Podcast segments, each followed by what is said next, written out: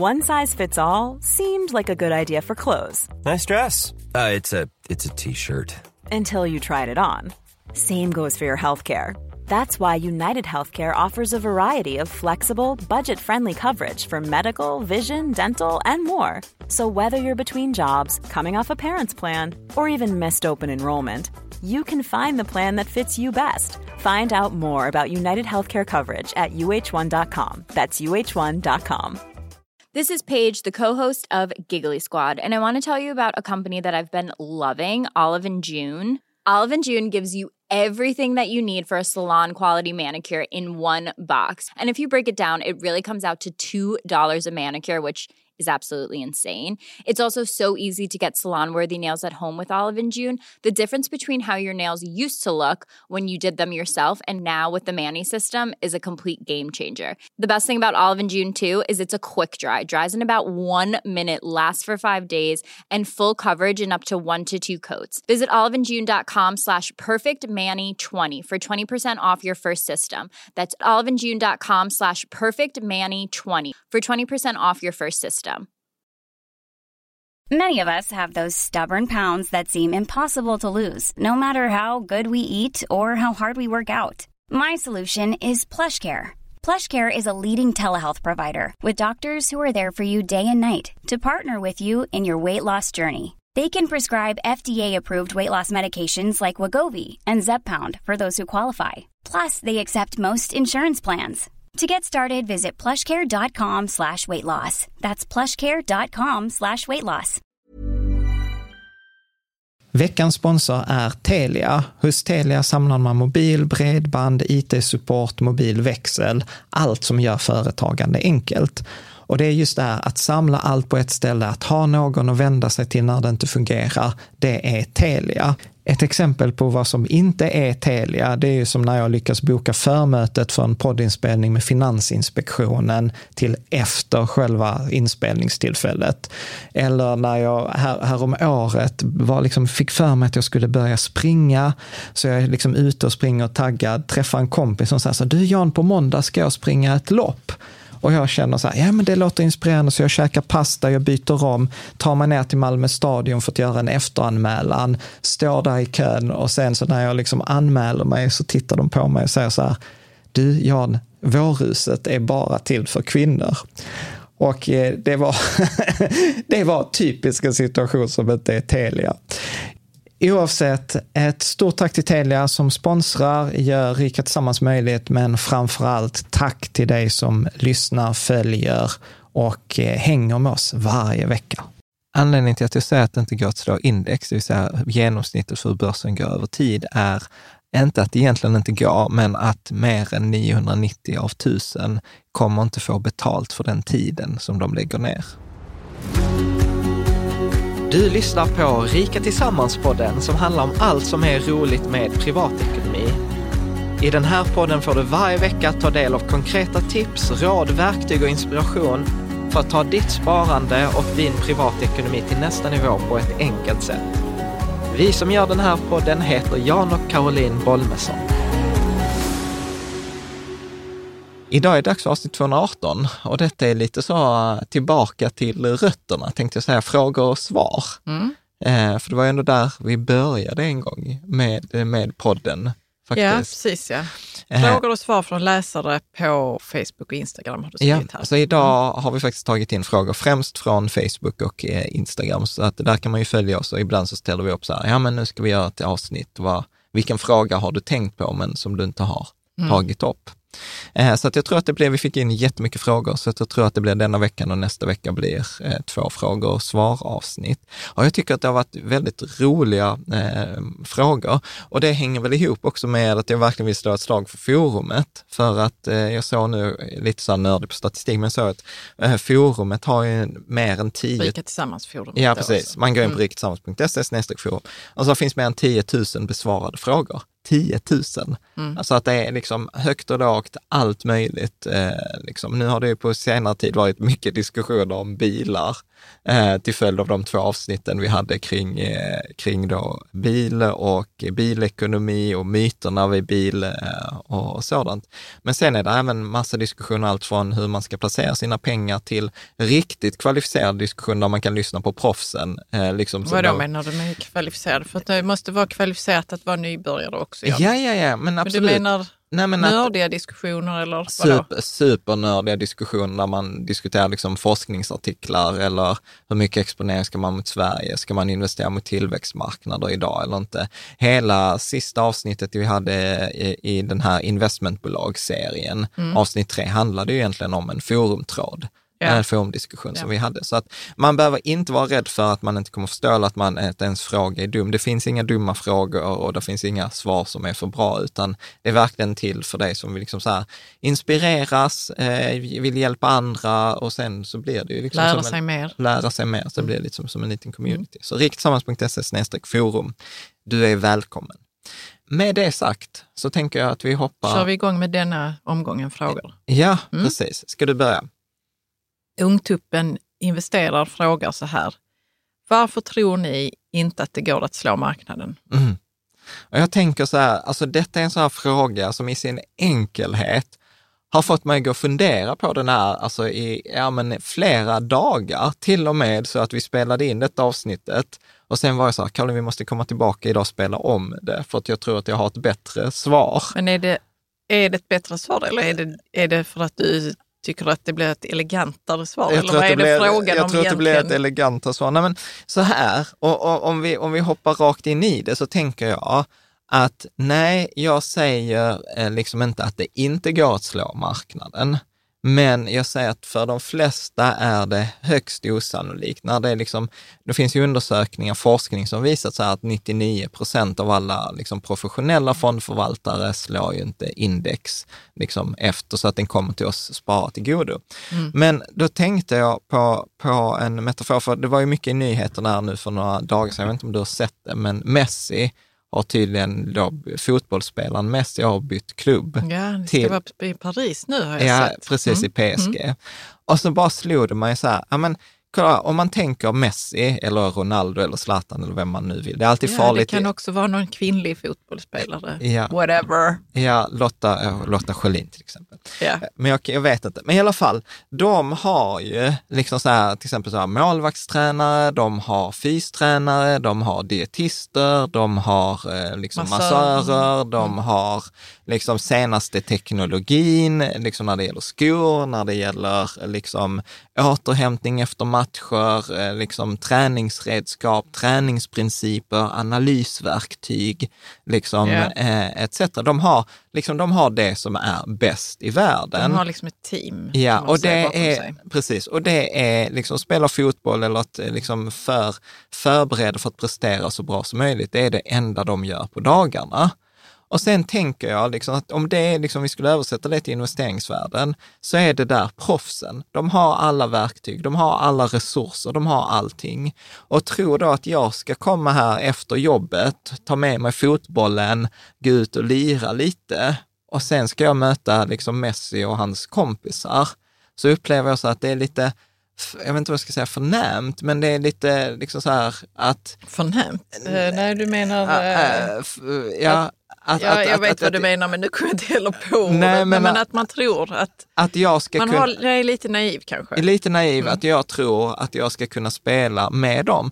För att, för att det som haltar i jämförelsen, det är att i fotboll så är jag den där som lirar lite liksom två kvällar i veckan eller någon timme i veckan, så kommer jag aldrig möta Messi, för vi har något som kallas för ligor och divisioner och sådant, utan spelar jag korpen, spelar jag korpen, liksom division 7. Eh, men jag kommer inte möta Barcelona le- eller PSG eller vad det nu är. Men på investerings, i investeringsvärlden, då möter man, liksom, för då är alla på planen samtidigt, så du, vi möter man ju bara ser PSG. inte planen. Nej, man ser inte planen. Nej. Framförallt så ser man inte heller vem som är på andra sidan. Så jag ser ju inte om jag spelar, plötsligt spelar boll mot Messi och mot Messis kompisar som har alla förutsättningar i världen. Eh, och, och det är där jag tror att liksom, som småsparare så får jag liksom inte betalt för de där, om jag tränar fem timmar i veckan eller tio timmar i veckan eller till och med 20 timmar i veckan, så får jag inte betalt för de timmarna i form av bättre avkastning, i form av bättre resultat eh, över tid. För att enskilda år kan vem som helst slå börsen. Alltså det kan man göra på ren tur. Eh, liksom, jag brukar ju skoja så att den som har bäst avkastning i vår familj är ju vår, vår tioåring.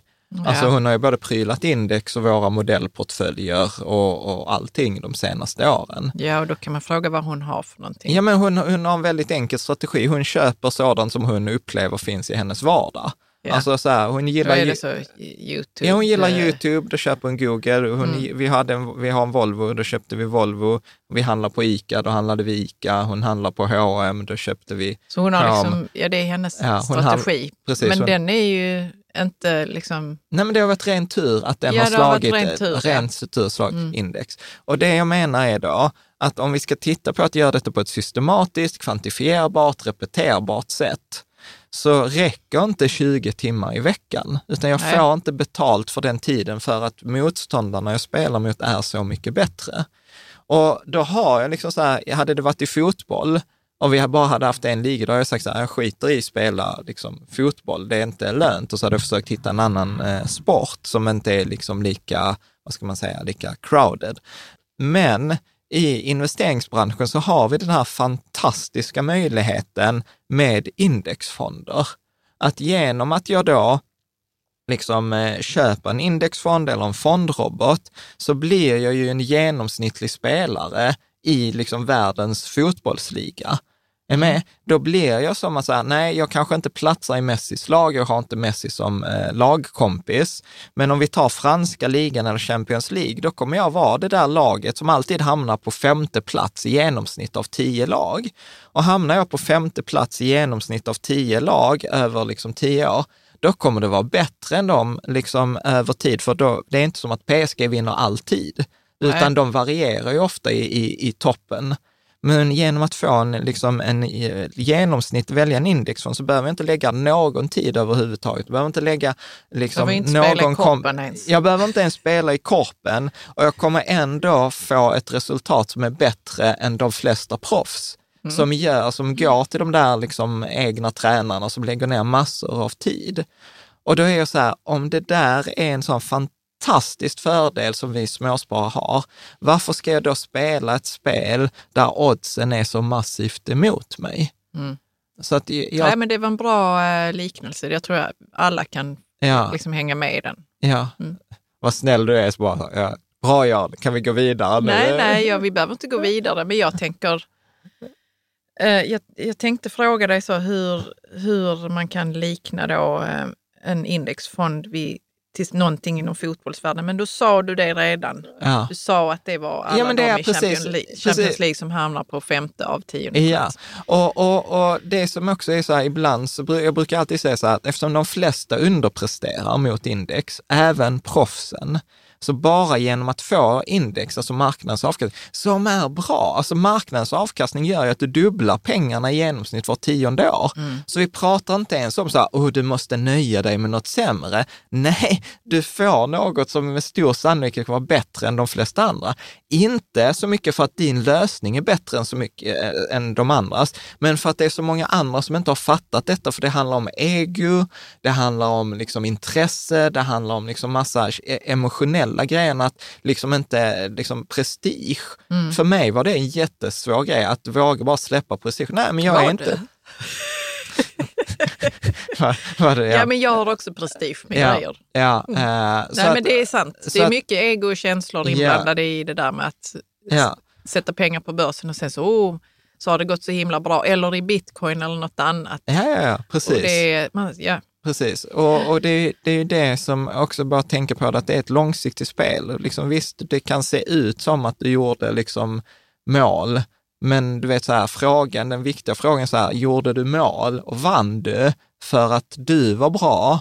Eller vann du och gjorde du mål för att de andra var, var dåliga? Mm. Och, och en sport liksom, som investerare där det dessutom till stor del handlar om tur och inte bara skicklighet, då blir ju det ännu klurigare att identifiera. För att, Men hur vet man det då? Liksom? För jag tror det är svårt att räkna på om man verkligen går back på sin hobby som eh, börsspelare. Nej, liksom. nej, men du går inte back och det är det också som är en sån här faktor som att de flesta lurar sig själva. Alltså har man en hobby som heter hästar, så fattar alla att hästar kostar pengar och att du inte kommer gå back på det. Ja, men- eller, att man- du, eller att du kommer gå att back. man har ridsport som, som hobby eller att man Ja, spelar på hästar. Nej, att du Eller- har hästar. Du äger hästar. Du har Ja, ett hästintresse. hästar. Du, du har en fysisk häst-ish. Eh, liksom. Vad är då ish? Ja, men du äger eller du är Ja, engagerad. men då är man det kan häst gå, eller inte. Låt oss säga ridsport bara nu. så, så här, vi hade inte häst, men vår, Nej. dot, vår döttrar gick på ridskola och det kostar asmycket Det kostar pengar. pengar, ja. Det då behövde det. man inte ha en häst för att det skulle Nej. kosta pengar. Nej, och då fattar alla att det kostar pengar. Men med ett aktieintresse så kan man lura sig själv och säga att jag går plus. Liksom. Och visst, man kan gå plus, men det intressanta är då inte jämföra om du går plus, utan det intressanta är att jämföra, slår du marknad, slår du ditt index? Mm. Och ja, och problemet är ju då som har pratat med till exempel Barras och många andra, Sådana professorer. Ja, att, eh, att det tar 5 till 10 år minst innan du kan säga om det finns liksom tillstymmelse till skicklighet. Minst I det 5 du till gör, 10 ja. i det. Och då måste du dessutom de 5 till 10 åren varit konsekvent och gjort på samma sätt. Du kan ju inte bara ändra strategi och sen utvärdera. Nej, det är, de flesta är, stannar inte kvar i ens två månader. nej, nej. Om det inte går bra så. Nej, precis. Nej, men det finns ju någonting väldigt fint med långsiktighet. ja. Och ja. Det är som att... eh, Och vi har världens, liksom så här, det är som att, för att vara metafor, som genomsn- genomsnittlig så är det jag får skjuta straffsparkar hela tiden. Liksom. Jag har ju min, liksom, jag har min indexfond, den kommer ge bra resultat, den är billig, den kräver ingen tid, ingen erfarenhet, ingen kompetens, oengagemang. Så att jag är så här, grattis till oss småsparare, som investerar i globala indexfonder. ja, eller fondrobot. Ja. Bra. Ska vi gå vidare? Mm. Eh, Jag kommer säkert få massor av feedback på så här, Jan, dina sportmetaforer haltar. Mm. Men ska vi ta nästa fråga? Eh, Nybärgaren frågar, vilken strategi hade ni valt om ni inte hade gått på index? Detta tyckte jag, detta är nog en av de bästa frågorna som jag Ja. fått under alla frågor och svar-avsnitten. Ja, ja, visst. Och jag har faktiskt gått och tänkt på det nu i, i nästan Jag två har inte dagar. tänkt på den alls. Jag har tänkt så bara det är index som, som gäller och sen är Ja. det lekhinken. Ja. Nej, men jag har tänkt så här, om jag inte fick göra index, vad skulle jag gjort då? Alltså om jag inte hade gjort, om jag inte hade haft Lysa, var hade vi lagt pengarna då? Och så tänker jag så här, och så insåg jag så här, nej, men det är en trappa. Det är en trappa. Så det första steget som vi investerar på idag, det är ju då indexfonder. Om jag inte skulle få ha indexfonder, då hade jag gått på faktorinvesteringar, som är, som är det här som också bygger mycket på forskning. Så jag hade fortsatt med forskningen, men jag hade liksom bara gått längs du har inte trappan. bara övergett den och bara tänkt Nej, då hade, det jag gått till nästa, då hade jag gått till nästa steg. Och, och nästa steg i forskningen säger så här att där finns eh, liksom vissa faktorer som tenderar att gå bättre än andra på marknaden. Mm. Eh, och det är då småbolag. Så jag hade i- investerat i småbolag och det har vi också märkt när vi intervjuat till exempel eh, Laurent Barras, professorn från eh, Schweiz. Vi märkte när vi intervjuade Christian Schürhuvud och vi märkte också när vi pratade om investmentbolag eh, att, och Emil från Plusfonder, att småbolag, att om man pallar med risken, för småbolag, de går bättre än börsen när det går bra och de går sämre än börsen när det går dåligt, så de svänger mer.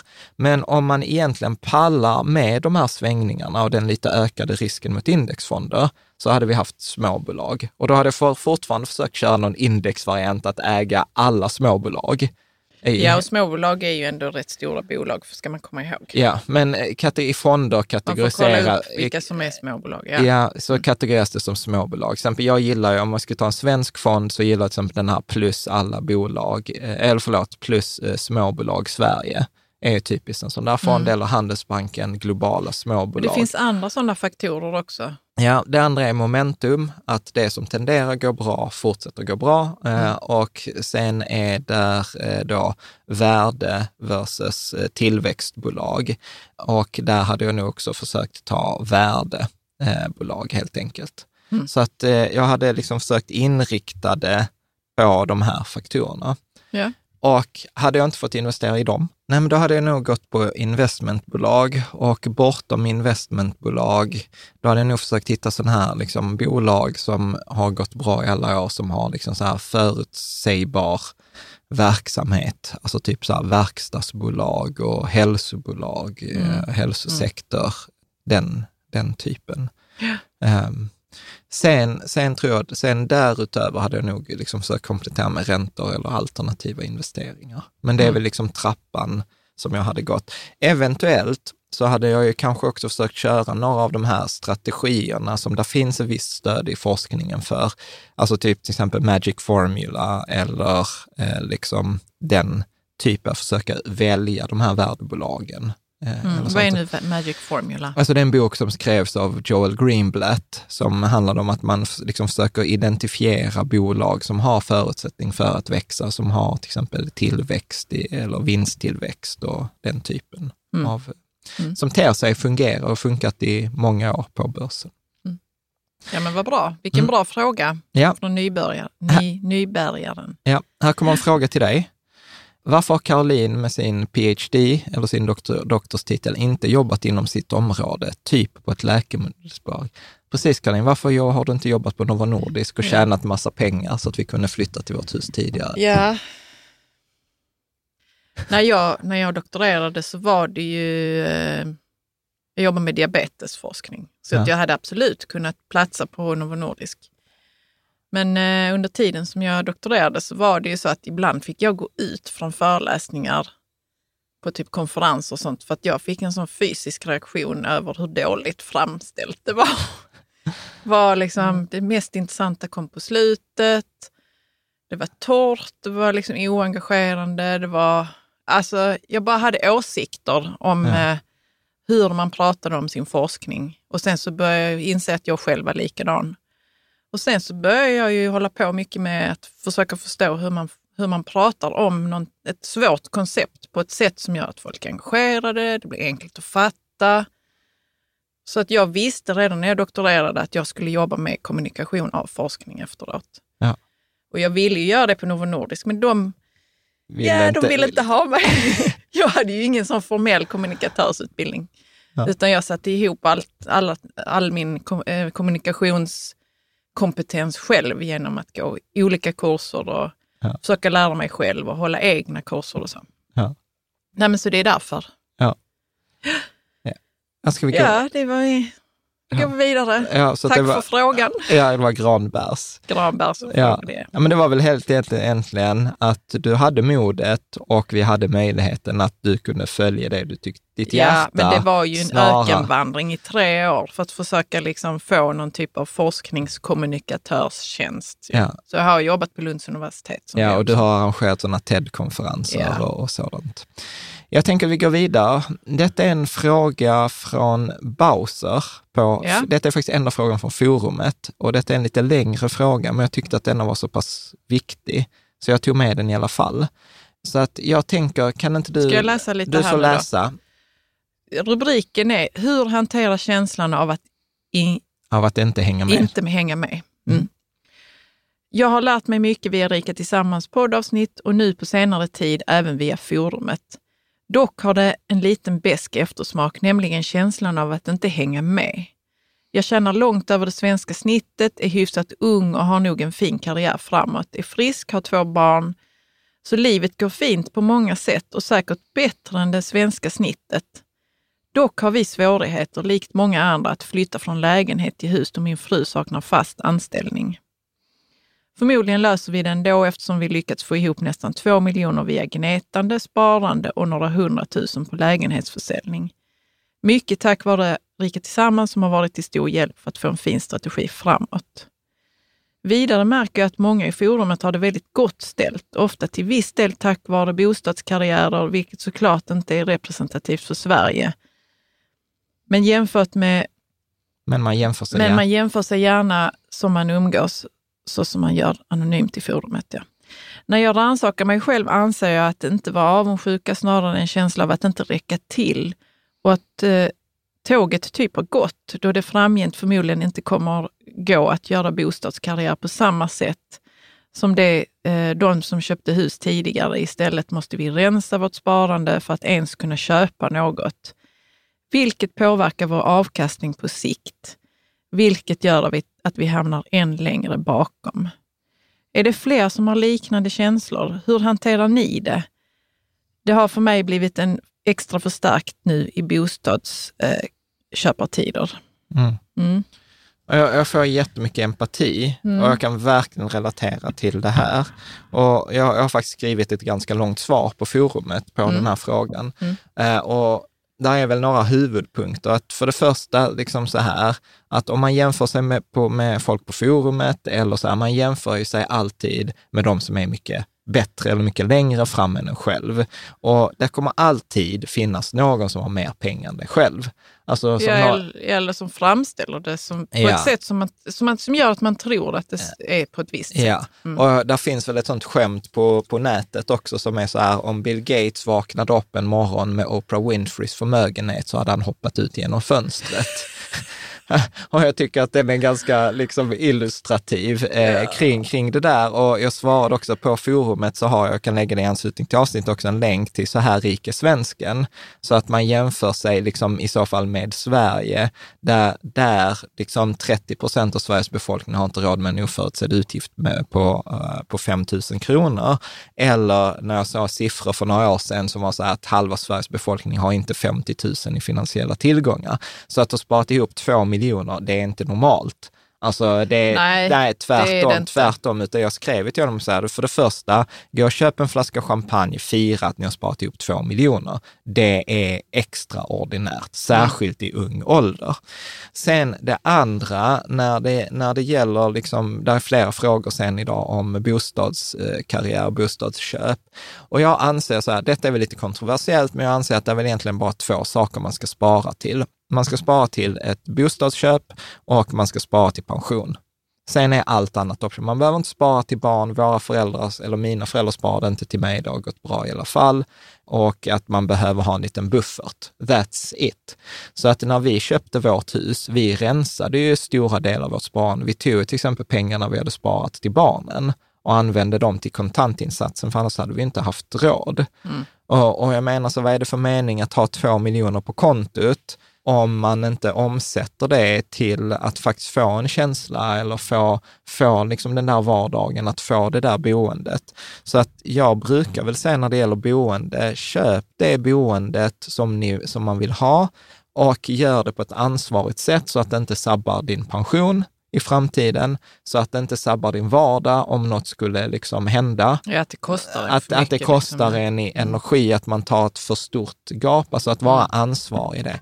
Men bortsett från det, det gör ingenting om det rensar liksom sparandet. Alltså för det är inte, det är inte en utgift, alltså som, det är en stor skillnad mot liksom åka på en semester. För när du är på en semester, när du kommer hem, då är ju semestern borta. Men ja. huset har du ju kvar. Och, och, kan man bo i hus, kan man sikta på att bo i ett hus med tio år, med de förändringarna i familjesituationen de kommande tio åren, så gör det inget heller om bostadsmarknaden skulle krascha. För om bostadsmarknaden kraschar så kommer inte det innebära att folk kommer gå från hus och hem som det var i USA, utan det enda som kommer hända är för den stora majoriteten är att man blir inlåst i sitt boende. Om man ändå kan klara 10 år eller 15 år i sitt boende, ja, men då är inte det ett problem att du är inlåst i boendet. Problemet kommer för de som är inlåsta i ett boende som inte passar deras livssituation eller det unga paret som till exempel planerar barn, eller mm. den som är singel och sen vill träffa någon. Så att ja, det är därför jag tänker att eh, liksom planerat för, för en tioårsperiod. Och under en period så är det inget fel att bo i hyresrätt. Alltså, Nej, vi det, gjorde det i tolv år. Ja, mm. och, och grejen är, jag håller verkligen, vi gjorde förra sommaren, eller förrförra sommaren, jag tror avsnitt 105 eller 106-ish däromkring, så intervjuade vi ju vdn på, före detta vdn på Bjurfors. Och han sa ju liksom så här, och det blev jättekontroversiellt, att hyresrätt är ett lyxboende. Mm. Eh, så att det är inget fel i det, så att jag tycker inte man behöver känna den här FOMO, alltså fear of missing out eller bostadsmarknad, utan se bost- Att alla tjänar pengar på sin bostad utom jag. Ja. Det, så är, det är inte så att alla Nej. gör det. Nej, Nej. Och, att, och att känna liksom, och att titta på att just bostaden är en konsumtion. Mm. Så att eh, ja, nej, så att jag tror att detta är eh, liksom så här att aligna sin bild av verkligheten tror jag är liksom Ja, det viktigt. är viktigt. Eh, och, och tänk också att vi som bor i Sverige, alltså det finns massa sådana siffror, att tjänar du mer än 39 000 kronor i månaden innan skatt, då tjänar du mer än 90 procent av den svenska befolkningen. Har du en lön på över 25 000 kronor innan skatt i Sverige så tjänar du, jag tror det är topp 1 procent eller topp 2 procent i hela världen. Så att ibland när man pratar om den där rikaste procenten så tänker man alltid att det är någon annan jävel. Ja, Oprah Men- Winfrey och Bill Ja, Gates. ja, men det är ju faktiskt vi, eller sannolikheten att du som lyssnar på det tillhör den där ena procenten är ganska hög. Eh, liksom. Mm. Ja, så att det var väl liksom det som jag det har ju blivit mycket på de senaste åren att eh, man ska tjäna, tjäna på att, att eh, köpa och sälja sitt boende. Ja, Spekulation och det har vi aldrig, vi har aldrig köpt in på det. nej, nej. Jag, jag tycker så här, ditt hus beter sig som en skuld. Om man tittar på det rent ekonomiskt. Det är inte en skuld, men det beter sig som en skuld. Det äter pengar. Ja, och sen, Ja. och sen är det liksom få saker i livet som driver kostnader så mycket som ett hus, en Mm. bil och barn. Mm. Eh, skulle jag säga. Och det är okej. Ja. Det är okej, det är bara ja, så. och, det, och det är det jag menar att, med Men att det, man måste vara medveten om att det är på det viset och inte bli överraskad kanske. Över det. Så att, eh, så att jag är så här att det viktiga här tror jag egentligen är också att titta att titta, bör- börja spela sitt eget spel. Alltså jag gick ju i terapi och pratade med Moa, vår vän, eh, som, Mm. var, som jag hade som coach i många år. Alltså för att Vad, vad, pratar ni då? vad pratar du då om Nej, men att, att inse, alltså, det är så lätt att titta på andra som tjänar pengar. Alltså vi har ju kompisar som, eh, vi, har, vi har en kompis som brukar liksom alltid när jag säger så här, men vi har snart alla pengarna vi kommer behöva resten av livet. Och då säger han alltid så här, men jag, du har bara skitdålig fantasi. Eh, och, och så själva tittar de på att de ska köpa en sån här silent jakt, alltså sån här eldriven eh, trimmar eller katamaran för liksom typ 50 miljoner. Och jag är så här, fast jag spelar inte det spelet. Nej, man spelar ett annat Ja, spel. Du spelar- har andra grejer. jag har, för Ja. oss precis har Ja. det varit viktigt att ha en bra vardag. Det har varit Ja. viktigt att du kan få, inte behöver jobba på Novo Nordisk om det inte är det som du drömmer om. Mm. Det har varit mycket viktigare än, än att göra annat. Så att det är som Moa säger, låt livet eh, kännas lika bra som det är, eller njut dig själv till framgång. Men då bör man ju veta, vad är framgång för mig? Vad är njuta för mig? Vad är det, vilket spel spelar vi? Och skita i lite i varandra. Så Tänk det är så otroligt befriande det när man förstår att man har sitt eget spel att spela. Ja, Alltså Ja. det är, jag tycker det är helt fantastiskt. ja, att vi behöver... Man blir bara så frikopplad från alla sådana här fejkmål och ja, vad andra gör med sina pengar, hur mycket andra har tjänat på sitt ja. Boende. Liksom. Ja. Ja. Och jag, är så här, jag brukar säga till er så här, vi följer gärna med på er silent jakt. Vi behöver inte ha dem själva. Det är som någon skrev på nätet, briljant. Det är mycket bättre att ha en vän som äger något än att äga det själv. Ja. Jag, jag tyckte det var briljant. Ja. Ska vi gå tillbaka? Eller inte gå tillbaka, Vi gå går till vidare. nästa. Gå vidare. Ja. Jag tänkte vad konstigt att du vill gå tillbaka. Okej, Nystling, eller vad står där? Investling, Ja. Har frågat så här. Hur får jag tillbaka lusten att spara när det känns som att jag bara kan spara så lite varje månad? Och Jag tycker detta är ofta också en superbra fråga och eh, det viktigaste är att man sparar vanan. Och jag brukar säga så här, pengar är jättedåliga på att tjäna pengar i början. Det är som när man är på ett nytt jobb, man fattar inte hur kaffemaskinen funkar, chefen är lite märklig. Man måste så- höra vad man ska göra flera gånger Ja, för att liksom man riktigt fattar- fatta vad det är ja. man ska... Mm. Men, eh, men när man sen har varit där ett tag så börjar man fatta och det går liksom lite av sig självt. Och så är det med pengar. Pengar är oerhört trögstartade i att tjäna pengar i absoluta tal. Och Ja, för att det är så lite i början. Ja, jag att- räknar ju ut vad jag, om jag hade sparat så 100 eller 200 spänn ja, eh, från studenttiden som jag gjorde då, men så slutade jag med det. Och då var det så, om jag hade sparat i 20 år så hade det blivit så över 150 000 eller någonting om jag hade haft det i, i eh, en indexfond. Ja, Mm. Eh, men, men jag tänker att misstaget man ofta gör är att man tänker så här, jag har bara sparat 1000 kronor, jag fick 10 procents avkastning, det var 100 spänn. Om jag hade jobbat övertid, en, liksom en timme hade jag tjänat 200 kronor. Och ja, så är det i början. Men grejen är att de där 10 procenten, om du kan göra 10 procent på ditt kapital om 10 år eller om 20 år, så kommer det vara 10 procent på en miljon och plötsligt är det 100 000. Mm. Och då är det ganska många övertidstimmar man ska jobba för att liksom tjäna 100 000. Så att det är verkligen, det är ju det som är Lite som, det finns en föreläsning som heter Randy Pausch, The Last Lecture. Han säger så här, väggen är inte där för att hindra dig, väggen är där att hindra de som inte vill det lika mycket. Mm. Och detta är prövningen för alla som börjar spara. I början har man inte så mycket kapital att spara och då är vanan viktigare. Och sen tycker jag också att det är superbra att man har lite pengar i början, för att då får man möjligheten att växa med sina pengar. Och det är inget som är så illa som att ta någon som inte är van att spara och inte är van vid mycket pengar och ge dem mycket pengar. För då blir det dåligt beteende liksom upphöjt ja, till två. Så att, jag, ja, så att jag tycker så här, bara eh, liksom hitta, tyvärr, så skulle jag säga så här, hitta lusten i något annat, skit i sparandet. Ställ inte kravet på ditt sparande att det ska vara roligt. Nej, eh, han menar inte att man ska skita i sparandet, utan Ja, precis. Ställ inte kravet på att sparandet ska, ska, vara roligt, men bara gör det. Eller vara eller var spännande, utan hitta lusten i andra saker, lite som i en parrelation. Ja. Ens partner behöver inte vara ens allt. Det är en liksom myt, så Hollywood-myt. Att, ja, men, nu kom du in på något annat här. Men, nej, men, det, men det, är samma, nej, men det är samma sak. Att, att så här, nej, det behöver inte vara roligt att spara. Det är okej okay att det är trist.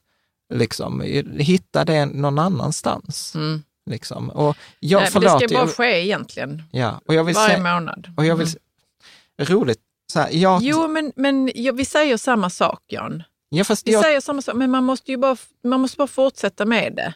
Ja, men för min... du säger så, skit i sparandet, så säger så. Det är inte, du kan inte säga så, för det låter som att man inte ska spara då. Ja, men jag känner mig missförstådd av dig idag. Ja, okay. Jag tänker så här, principer ska kunna appliceras i flera områden. Mm -hmm. Och det är det jag gillar, när man kan liksom, alltså som jag säger till exempel, det är ingen skillnad på ekonomi, alltså hushållning av pengar eller energi. Det är så här, du kan ta ett koncept och flytta det från ett område till ett annat och det funkar. Samma sak här, att hitta glädje eller lust, det är precis samma sak här i sparande som det är till exempel i en parrelation. Jag behöver inte ställa kravet på mitt sparande ska vara allt, precis som jag inte behöver ställa kravet på min partner att det ska vara allt. Okay. Så för mig är det att liksom förflytta det till ett annat område och se om det funkar där. Mm. En reality check för att, liksom, särskilt när det handlar om beteende, för att det är jag som människa som alltid är med i alla områdena. Så. Okej. Okay. Vad, du bara garvar åt mig. Ska vi gå vidare? Ja, nej, men jag, jag hoppas att eh, Ska vi ta nästa fråga? Det var svar på frågan. Varför ja. ser man bara reklam och tips för Opti Tror ni fortfarande på Lysa?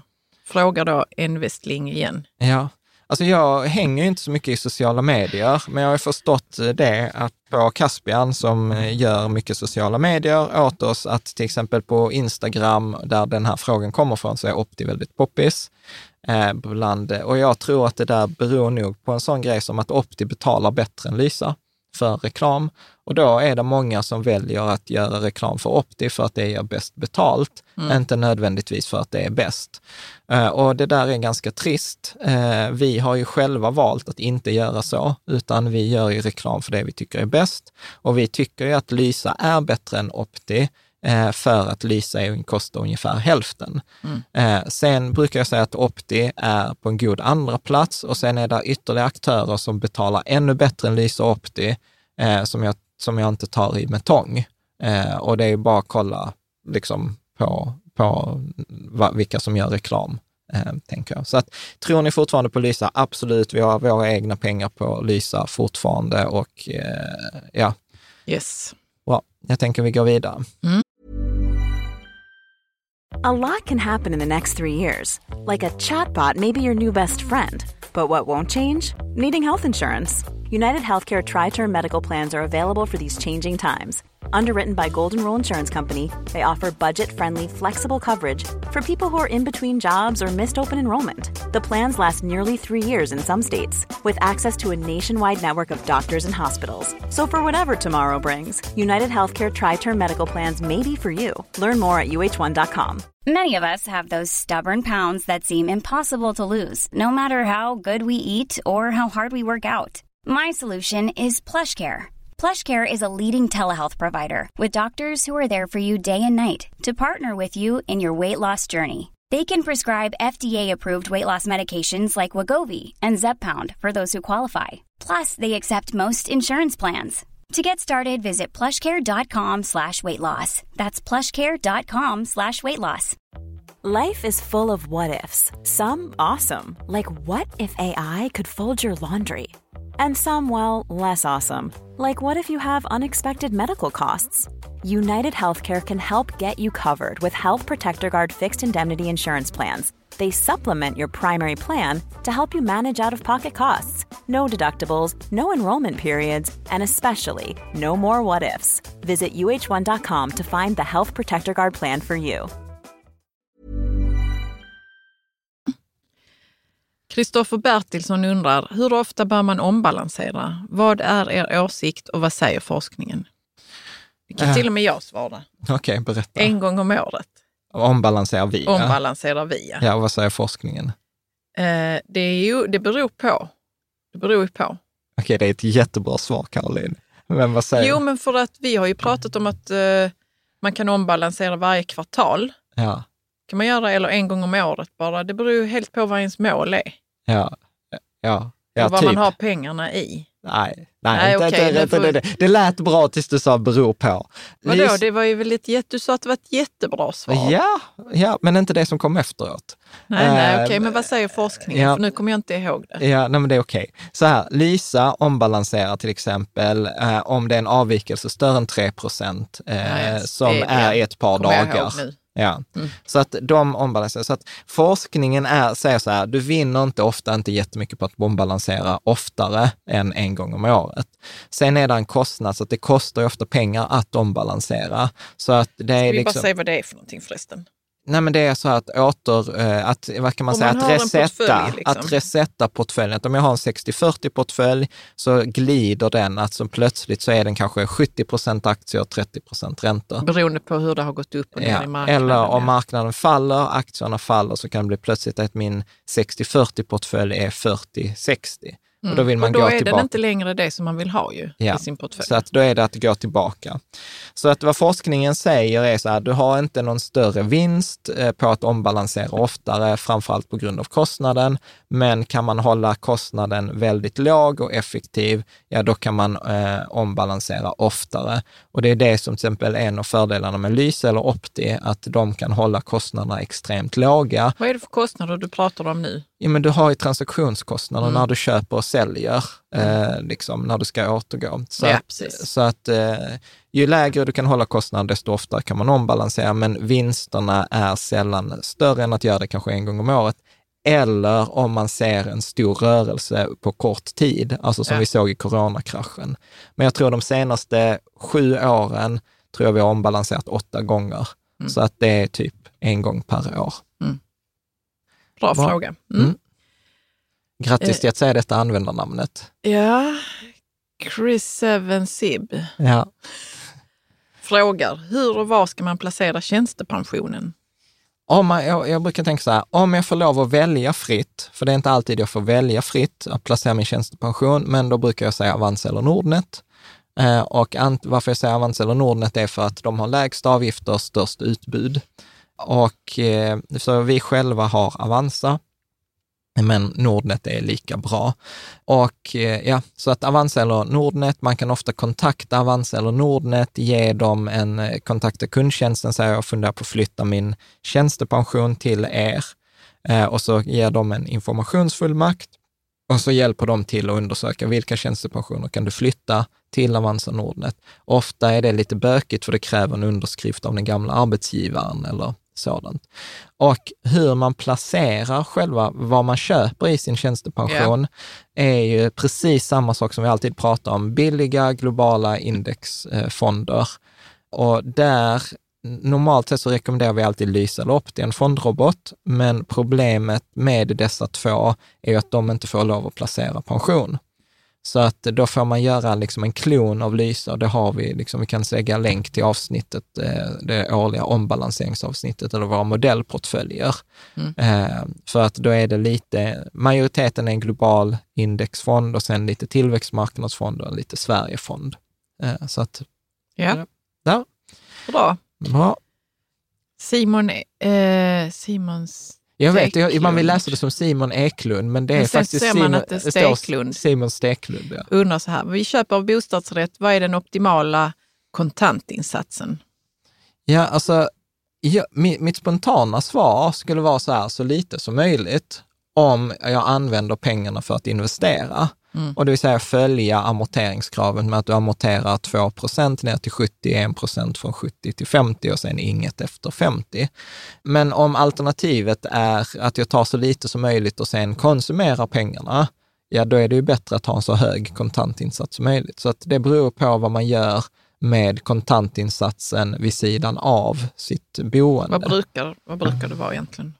Alltså det beror ju på, alltså för unga så är det ju ofta typ 15 procent, det Mm. minsta möjliga. För äldre som har gjort bostadskarriär så kan det vara 50 procent eller 60 procent eller vad det nu kan vara. Och det är för att de själva vill få ner sina... Alltså jag brukar ju säga, alltså, Kostnader, ja, nej, men återigen, eller- nej men återigen så brukar jag säga så här, alltså ju, ju, det beror på vilken fas i livet man är i. Om man är i en fas att man inte behöver mer pengar, ja men amortera så mycket som möjligt på huset. Alltså, vi funderar på att kanske betala av lånet på vårt hus eftersom vi har kommit till den fasen att vi inte behöver jättemycket mer pengar. Men är man under en uppbyggnadsfas så är ju så här, räntan på ett bolån är idag 1 procent. Mm. Ja, börsen över en tioårsperiod gör ju 7 procent. Ja. Det betyder att då kan jag ju leka bank och tar pengar från ett ställe där de kostar 1 procent, sätter dem på ett ställe som ger 7 procent och sen tar mellanskillnaden till mig själv på 6 procent.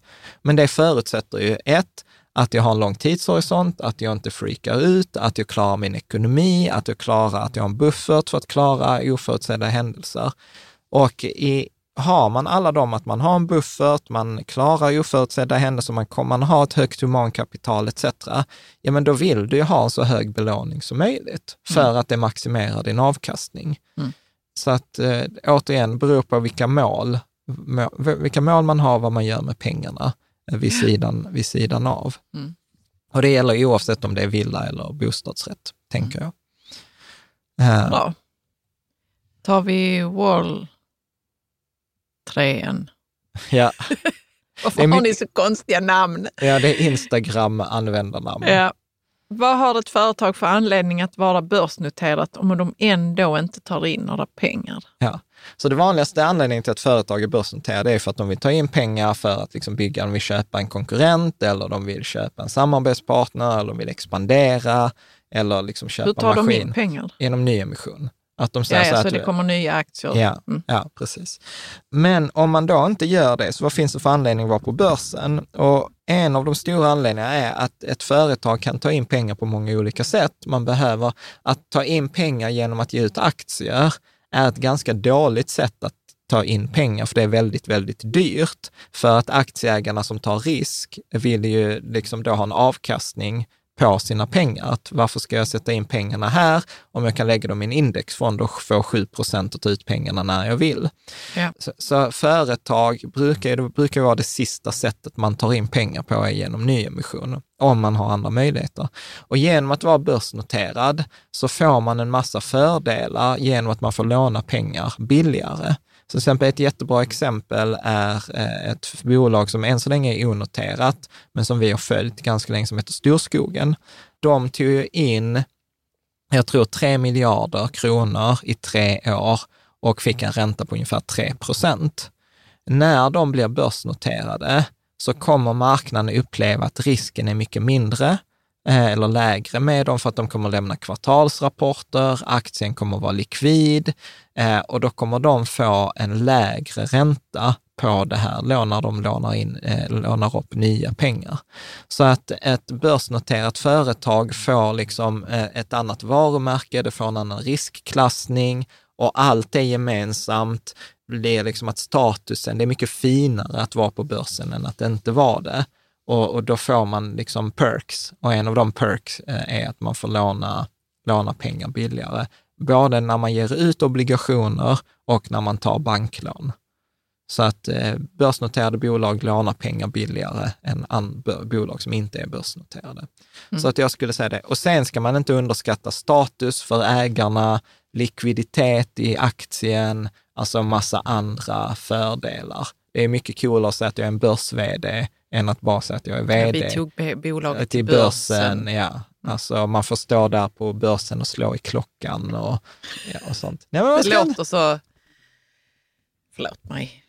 Vi går vidare. Vadå? När att man får stå där på börsen och slå i klockan är säkert ja. stort så. Ja. Men för mig som inte har det som mål så känns det så här, eh. ja, ja, men så här, du får slå i en ringklocka. Doink. Ja, ja. ja. Men, ja, men det kan vara ett mål man har haft. Mm. Eh, och sen är det också ett sätt för, eh, den service till aktieägarna.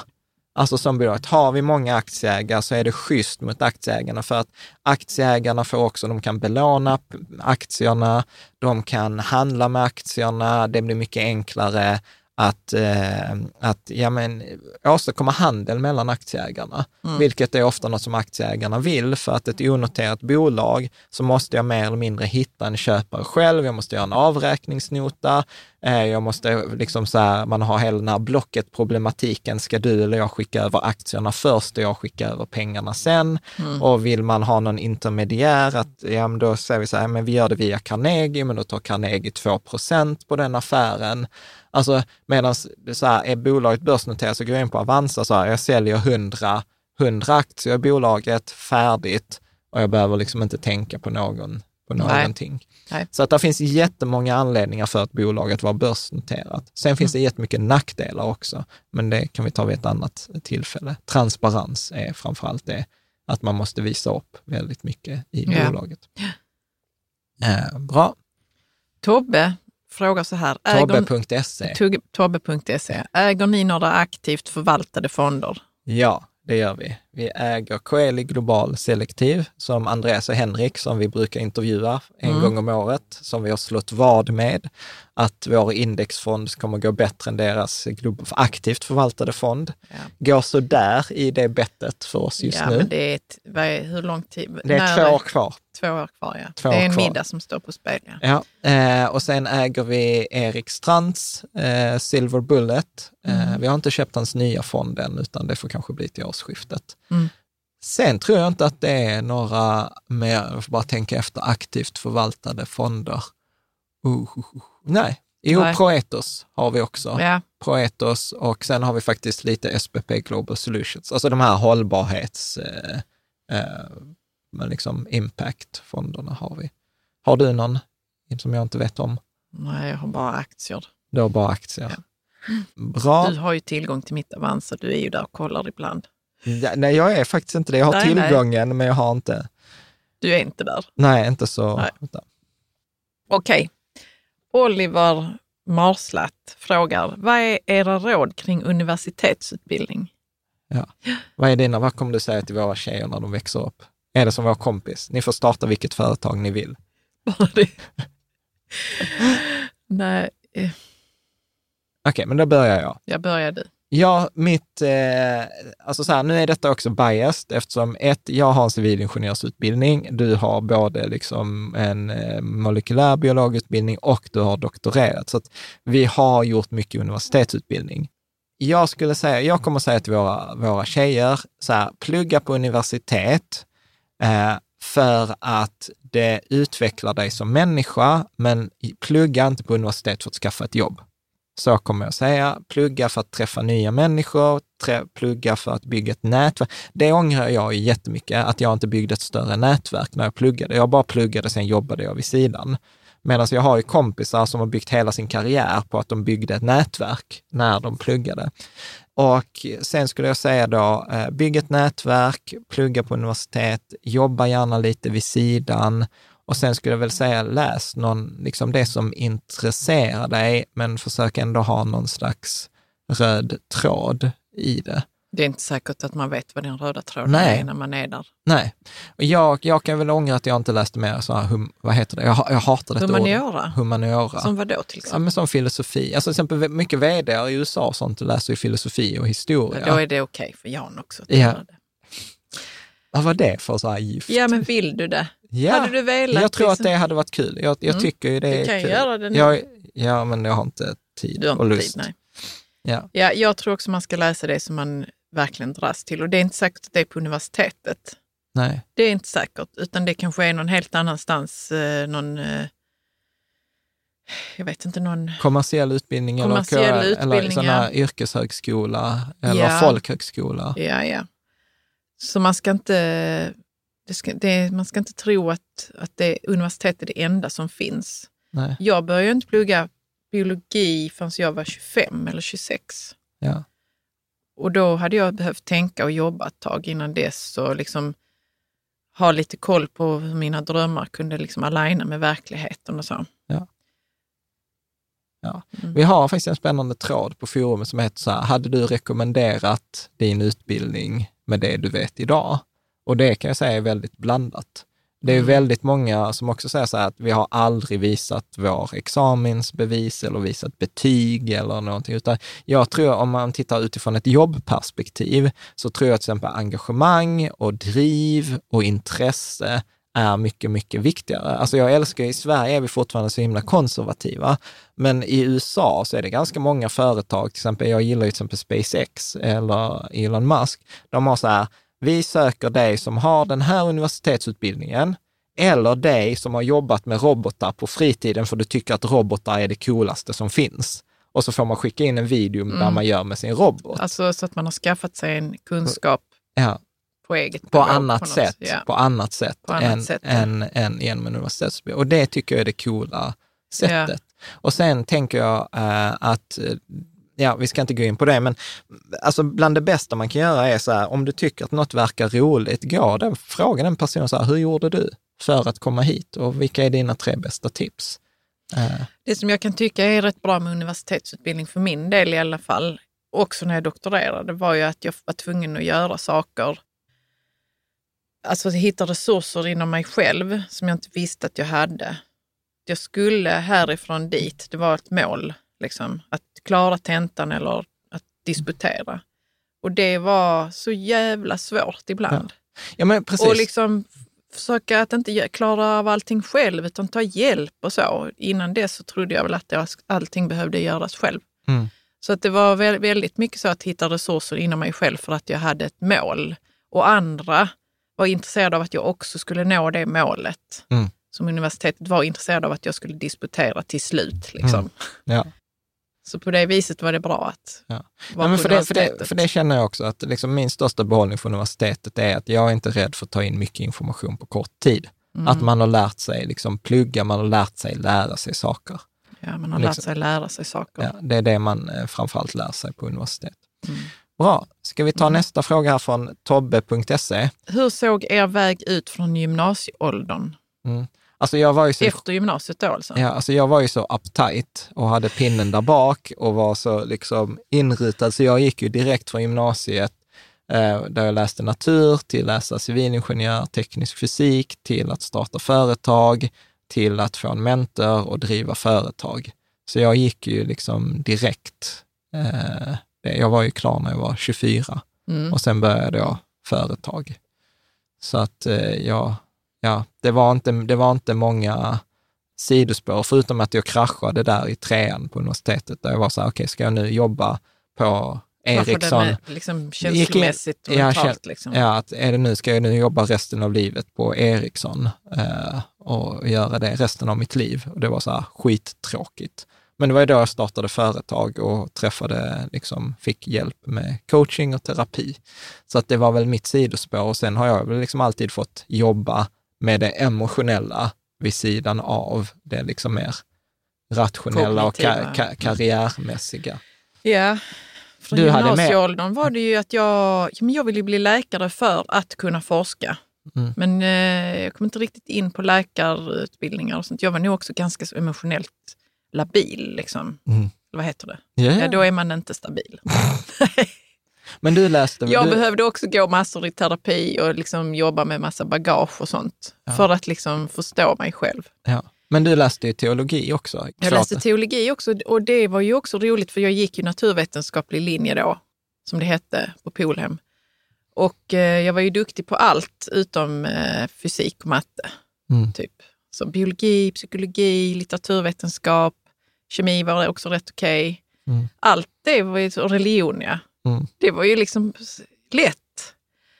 Så då, och sen så tyckte jag då att teologi verkar kul, så då läste jag ju det ett och ett halvt år. Mm. Tills jag insåg att det, eh, då skulle jag skriva C-uppsats och då valde jag ämnet hur gudsupplevelsen ser ut kemiskt i hjärnan.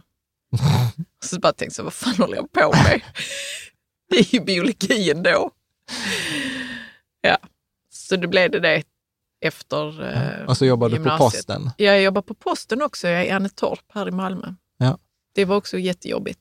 Ja. Och, sen, och sen efter din molekylärutbildning, Ja, då började jag jobba i labb och sen började jag doktorera. doktorera. Ja. Och sen gjorde du din forskningskommunikationsstint. Forskningskommunikatör.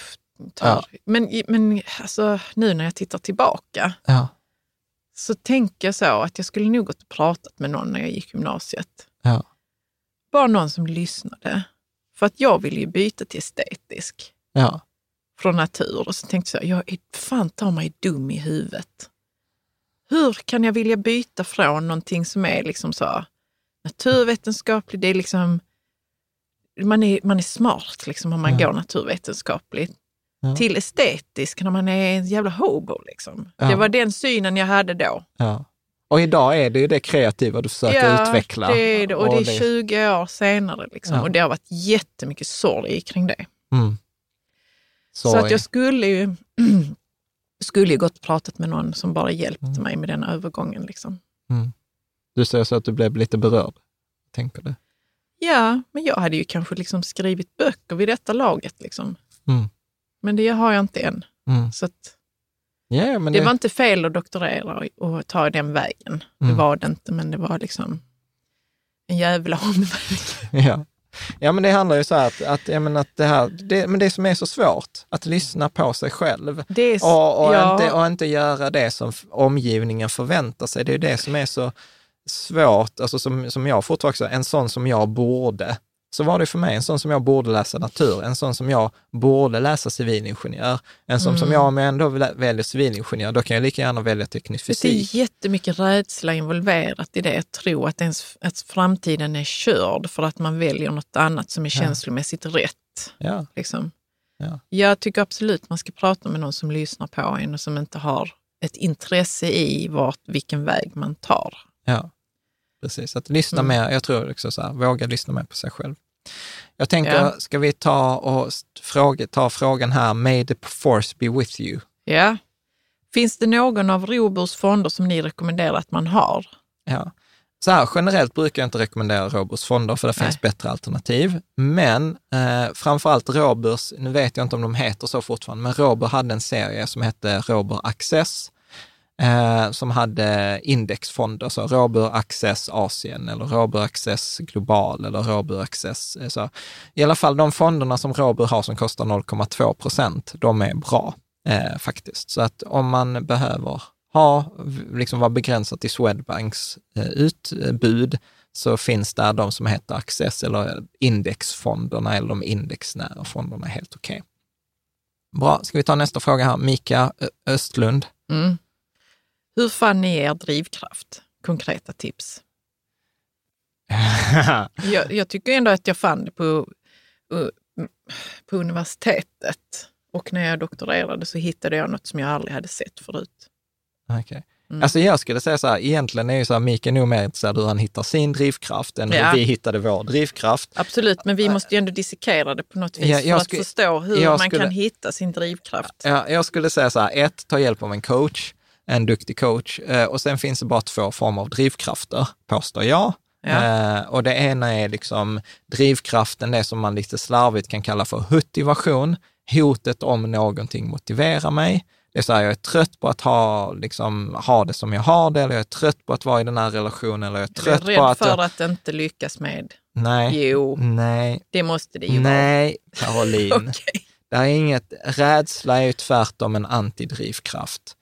Detta är Nej, så här, detta är, drivkraften kommer ifrån att jag blir förbannad på att jag skapar liksom den här ilska energin. Är med? Jag är trött på att ha det så här. Jag, liksom, det är detta de gör i Lyxfällan. Så här, hur känns det när du röker upp barnens pengar? Ja, Röker ja. du framför barnen? Liksom. Alltså, du vet, den där. Ja. Ja. Mm. Det andra, motsatsen till den drivkraften, är då motivationen, som är så här önskan om någonting. Att jag önskar att jag får vara kreativ, jag önskar att jag får starta det här företaget, eller önskan om att få ha tid med mina barn, eller önskan om att du vet, så här, sn- snart, eh, nej, det är också så att jag kommer dö, det är också motivation. Men att det är, ju- mm. ja, önskan om någonting framgent. Men det här med att vara rädd för någonting. Du sa att det inte ingick i motivation. Okej, och utveckla det då så kanske... Nej, men som jag var ju rädd att jag aldrig skulle doktorera klart.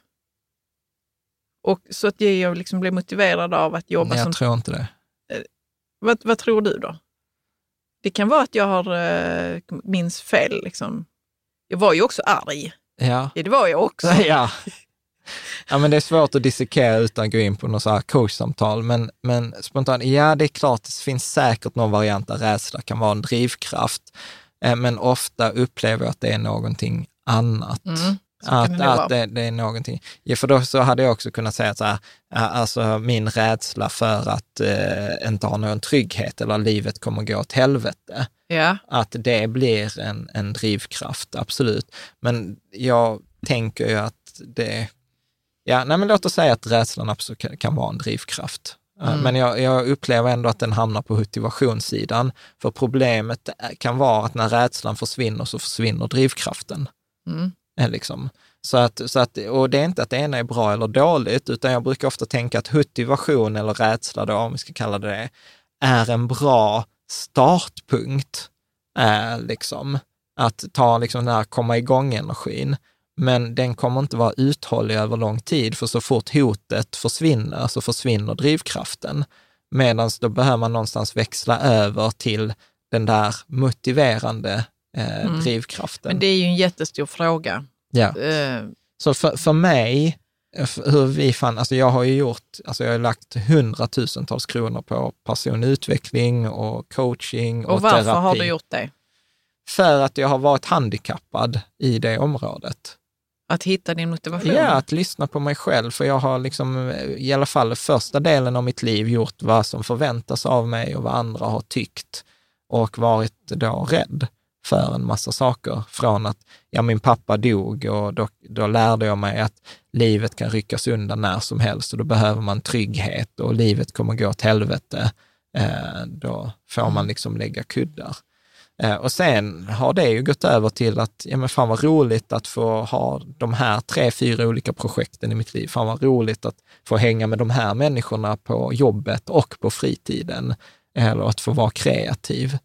Så att, eh, så att det konkreta tipset till Mika här är att testa, testa några olika coacher. Eh, och vill du ha tips så kom till forumet så kan vi säkert tipsa på några. För det, det handlar ett, att det ska vara en kompetent coach, men det måste också vara så att kemin stämmer. Och, och att det är värt att testa. Så jag har ju avverkat 20-tal coacher innan jag hittade några som passade mig väldigt, väldigt bra, som till exempel Moa Mm. eh, eh, och Niklas och några till. Men Jan, eh, upplever du att du ibland har en sån extra växel i, din, eh, i ditt driv, liksom, som du bara så, åh, ja visst ja, var kom det ifrån? Ja, jag upplever, alltså så här återigen, utan att gå in på bra eller dåligt, men så här, jag gillar ju att vara relativt självreflekterande. Och jag märker ju så här, när det krisar så blir det för mig som att världen saktar ner. Så att jag upplever när många blir stressade så blir jag lugn, jag blir väldigt rationell, jag blir väldigt sekvensorienterad, att nu behöver vi göra de här sakerna i den ordningen, det är inte lönt att bli upprörd på någon, utan nu måste vi lösa uppgiften. Så att ja, jag upplever att jag har en orättvis fördel där. baksidan med den här orättvisa fördelen, den kommer ju som när du tankade fel. Du tankade diesel i, eller du Jag tankade, tankade bensin i en dieselbil, ja, och dessutom körde från macken. 500 meter. Ja, så att det blandades. Och du var jätteledsen. Och jag var så här, jag började ringa runt i verkstäder, tog reda på vad som behövde göras och lät dig sitta och gråta i soffan utan att vara där och trösta dig eller vara närvarande. Ja, det stämmer. ja. För då, blev, då saktade världen ner för mig. Nu var jag så här väldigt konkret, väldigt rationell. Nu löser vi det här och sen efter när allt är löst, då kan jag trösta dig. Vilket är så här, jag fattar så här i efterhand, eh, tack För Carl-Johan. problemet var viktigare än mig. Ja, Ja. Ja, du har det på film. Men eller? grejen är den att jag har också en sån växel, men den kommer också när det är kris. Ja. Den kommer också då och då är jag hänsynslös. Och det är Ja. inget som jag är så stolt över så, Ja. men det finns en Fast den, är, hänsynslöshet. fast den är längre, upplever den är längre bort. Den är längre bort, ja, men för jag försätter mig inte i den situa- Nej. situationen, helst inte. Nej. Att någonting är i kris. Men det är, det är en väldigt Ja. speciell känsla av att, Ja. Av att inte Men- men- men tycka jag- att vissa saker spelar någon roll, utan nu är Ja. det bara detta som ska lösas. Ja, Liksom. men jag upplever så att jag är oftare i min sån problemlösning. Ja, fast du är inte som- hänsynslös. Nej, det är det är inte. du inte. Nej. Men, eh, så, att Men jag- jag, så att jag skulle säga så här, jag har fått turen att jag har fått vissa egenskaper som passar väldigt väl för att driva företag, till exempel. Mm. Och sen har jag tränat mycket i 20 år på det. Men jag tänker, ska vi gå vidare här? Ta. Vi kan göra det. Ja. Mika, du får höra av dig om vi inte svarar på din fråga eller Jag tyckte om ändå du vi vill ha det. tips på Ja. coach. Wistrand frågar, jag har befintliga fonder med, med stor vinst. Är det värt att se, eh, sälja och satsa på eh, kapitalförsäkring? Det gäller ett aktiebolag. Ja, Ja. gäller ett aktiebolag. Vad är Eh. frågan här? Jag fattar inte. Jo, men han har befintliga fonder, de har gjort vinst. Han och, har, det kan vara en hund. Ja, ja, Mm. ja, Den, hen har en... eh, ja, jag misstänker jag vet vem det är. Men, ja, ja. ja. Mm. Men eh, så här, jag ska prata, eftersom det är ett aktiebolag, prata med din redovisningskonsult. I valet ofta mellan att ta en skattesmäll och sen flytta till en mer skatteeffektiv lösning, för det är egentligen det som om man abstraherar problemet, är att jag har någonting som har gått med vinst, men jag har ett dåligt skatteskal. Mm. Ska jag sälja, betala skatt idag och få en bättre skatteeffektiv lösning framgent? Som i kapitalförsäkring då. som är kapitalförsäkring, så är oftast svaret ja. Men man behöver alltid kolla upp, just skatt är så här komplicerat, så där ska man kolla upp det, särskilt om det rör sig om större belopp, så att det inte finns någon undantagsregel eller någonting att ta hänsyn till. Så det går inte att svara Hur på. kollar man upp sånt? Man pratar med en redovisningskonsult eh, eller en skatteexpert eller ringer till Skatteverket. Mm. Eh, liksom. Så att, men det generella svaret, ja, det är värt att bita i det sura äpplet idag för att få det bättre framgent, Mm. om man har en lång tidshorisont, eh, liksom etc. Bra, ska jag tänker att vi tar en, två, tre frågor till. Ja, Anna A. Bolin frågar, har Lysa angående riskökning i och med hållbart val med tanke på riskfördelning? Ja. Alltså det är ja, så här vänta insta- lite, jag fattar inte frågan när den men jag- ställs på detta viset. Men detta är Ursäkta för- mig Anna, så har du Lysa, vadå? Har du Lysa? Ja. Ja. Ja, kan du så- säga fr- frågan? Okej, så, så att jag översätter frågan så här. Mm. Jag har Lysa. Min fråga gäller angående riskökningen i och med att om man gör ett hållbart val med tanke på att det är färre bolag i det hållbara alternativet. Det är vad hon säger. Men du vet, du får vara Instagram-fähig, Caroline. Fähig. Jag är inte på Instagram så mycket, ja. tillräckligt. Ja, så då är det så här att väljer man Lysa bred så tror jag att man får typ 6 000 bolag. Väljer man Lysa hållbar så får man typ 900 bolag eller 600 Och så, bolag. vad var frågan nu? Ja, men- Om man ska ha... Ja, men eh, låt mig få prata färdigt. Du, du blir så frustrerad Ja. här. Så när man väljer Lysa bred så får Mm. man 6 000 bolag, ish. Om man väljer Lysa hållbar så får man 600, ish. Okej? Så du får tio gånger fler bolag i det breda alternativet än i det hållbara. Mm. Och då säger jag så här, är det, det innebär en, eftersom vi har avvikit från att äga alla bolag så tar vi en högre risk. Det är det vi alltid Mm. säger. Det det vi alltid avvika, säger. avvika från index ger dig en högre risk som du inte får betalt för.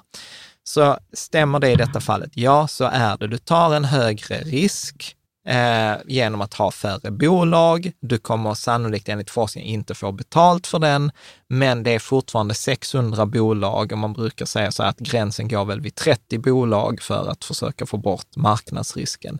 Så jag tycker fortfarande att det är ett bra alternativ att ha det hållbara alternativet på Lysa, även om det är färre bolag. Sen kan man alltid önska att det vore fler bolag, men jag tror att över tid så kommer antalet bolag öka.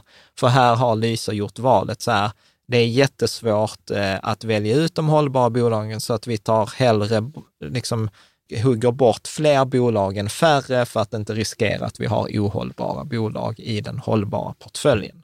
Mm. Okej, okay, vad bra. Ja. Vad?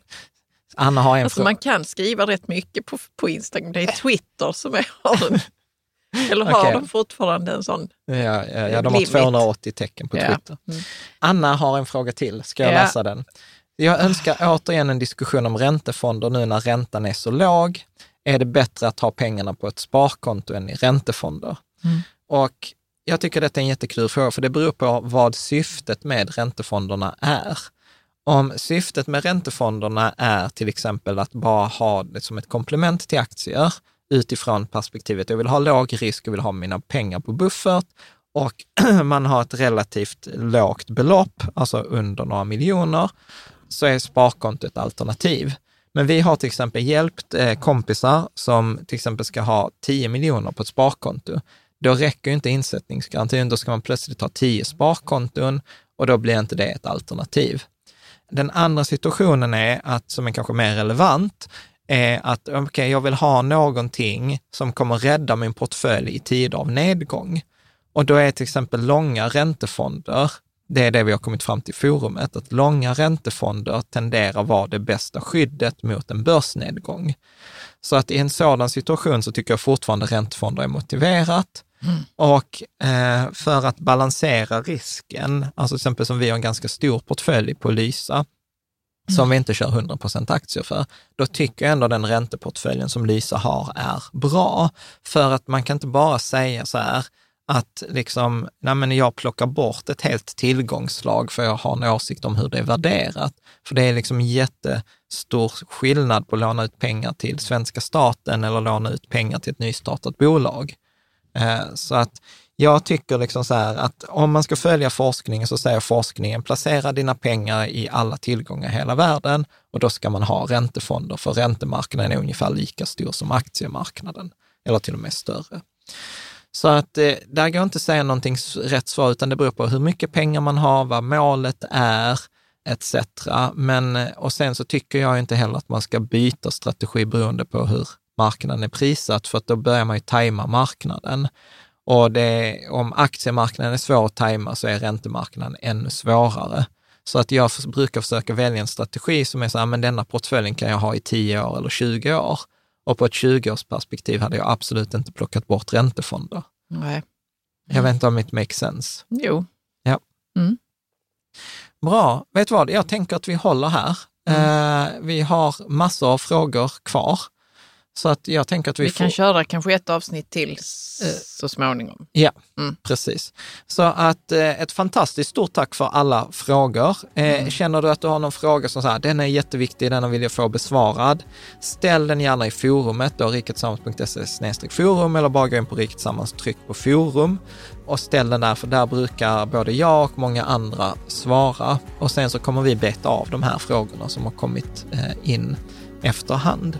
Så att med det så tänkte jag bara säga ett stort tack för tack. att eh, du hänger med oss och så tänker jag att vi ses där ute.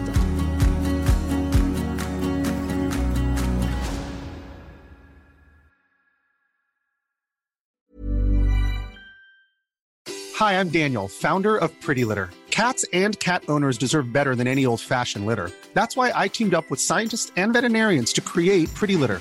Its innovative crystal formula has superior odor control and weighs up to 80% less than clay litter. Pretty Litter even monitors health by changing colors to help detect early signs of potential illness. It's the world's smartest kitty litter. Go to prettylitter.com and use code ACAST for 20% off your first order and a free cat toy. Terms and conditions apply. See site for details.